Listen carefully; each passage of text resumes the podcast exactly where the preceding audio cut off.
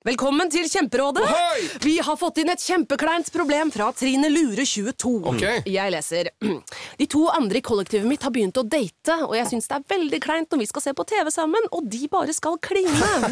Ok, ja, Yes. Hvordan skal hun løse dette? Siden Trine Lure er under 30, får hun jo ubegrenset data fra Telenor fra 399 kroner. Da Da kan hun sette seg på sitt eget rom, streame så mye hun vil på mobilen. Ja, hun kan jo se på nye mobilabonnement på telenor.no. Ja, det er lurt. David Bowie, geni og stifinner. I didn't strive for success. I strived to do something artistically important. Her er Finn Bjelke.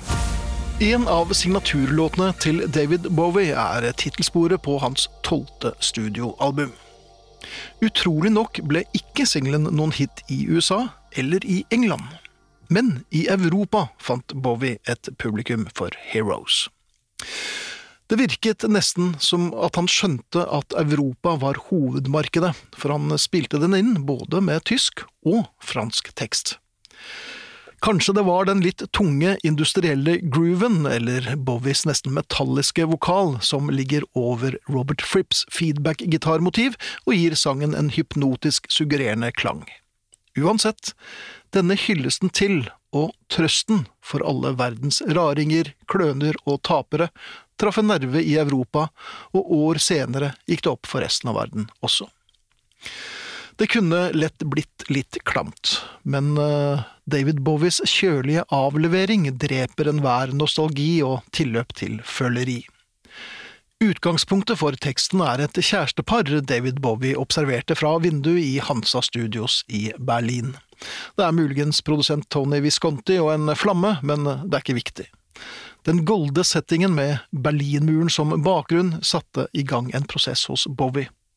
Hvorfor satt de på dette øde stedet? Ville de ikke bli sett? Og her ligger en del av mystikken og fascinasjonen vi fremdeles har for denne bautaen i David Bowies diskografi. Man kan høre den uendelige ganger, og hver gang finne noe nytt å undre seg over. Ja, litt som hele Bowies katalog, egentlig. Men hvorfor finner vi trøst i denne sagende, gnagende sangen? Er det det håpefulle i linjen Oh, we can be heroes just for one day, som får oss til å ty til Bowie når det røyner på? Eller den like viktige linjen We can be us just for one day?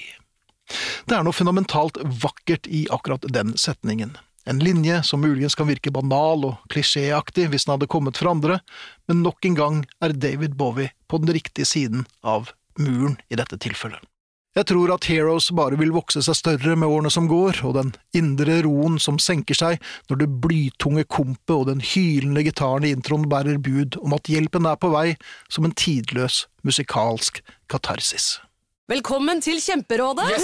Denne gangen har vi fått inn et kjempedilemma fra en familie. Okay. Jeg leser Hei, vi er litt uenige i familien her. Mm. Hvis du skulle vært et dyr, ville du hatt gjeller eller vinger? Oi, den er tricky. Ja, hva ville dere hatt da? Altså, jeg vet ikke, men Med familierabatt får de ubegrenset data fra Telenor fra 399 kroner. Da kan de jo scrolle seg til svaret, rett og slett. Ja, ok, Men for min del Ja. gjeller. Nei, nei, Gjeller. Nei. nei, vinger. Nei, nei, Ja, gjeller. ja, kjempebra. Men eh, se nye mobilabonnement på telenor.no, da.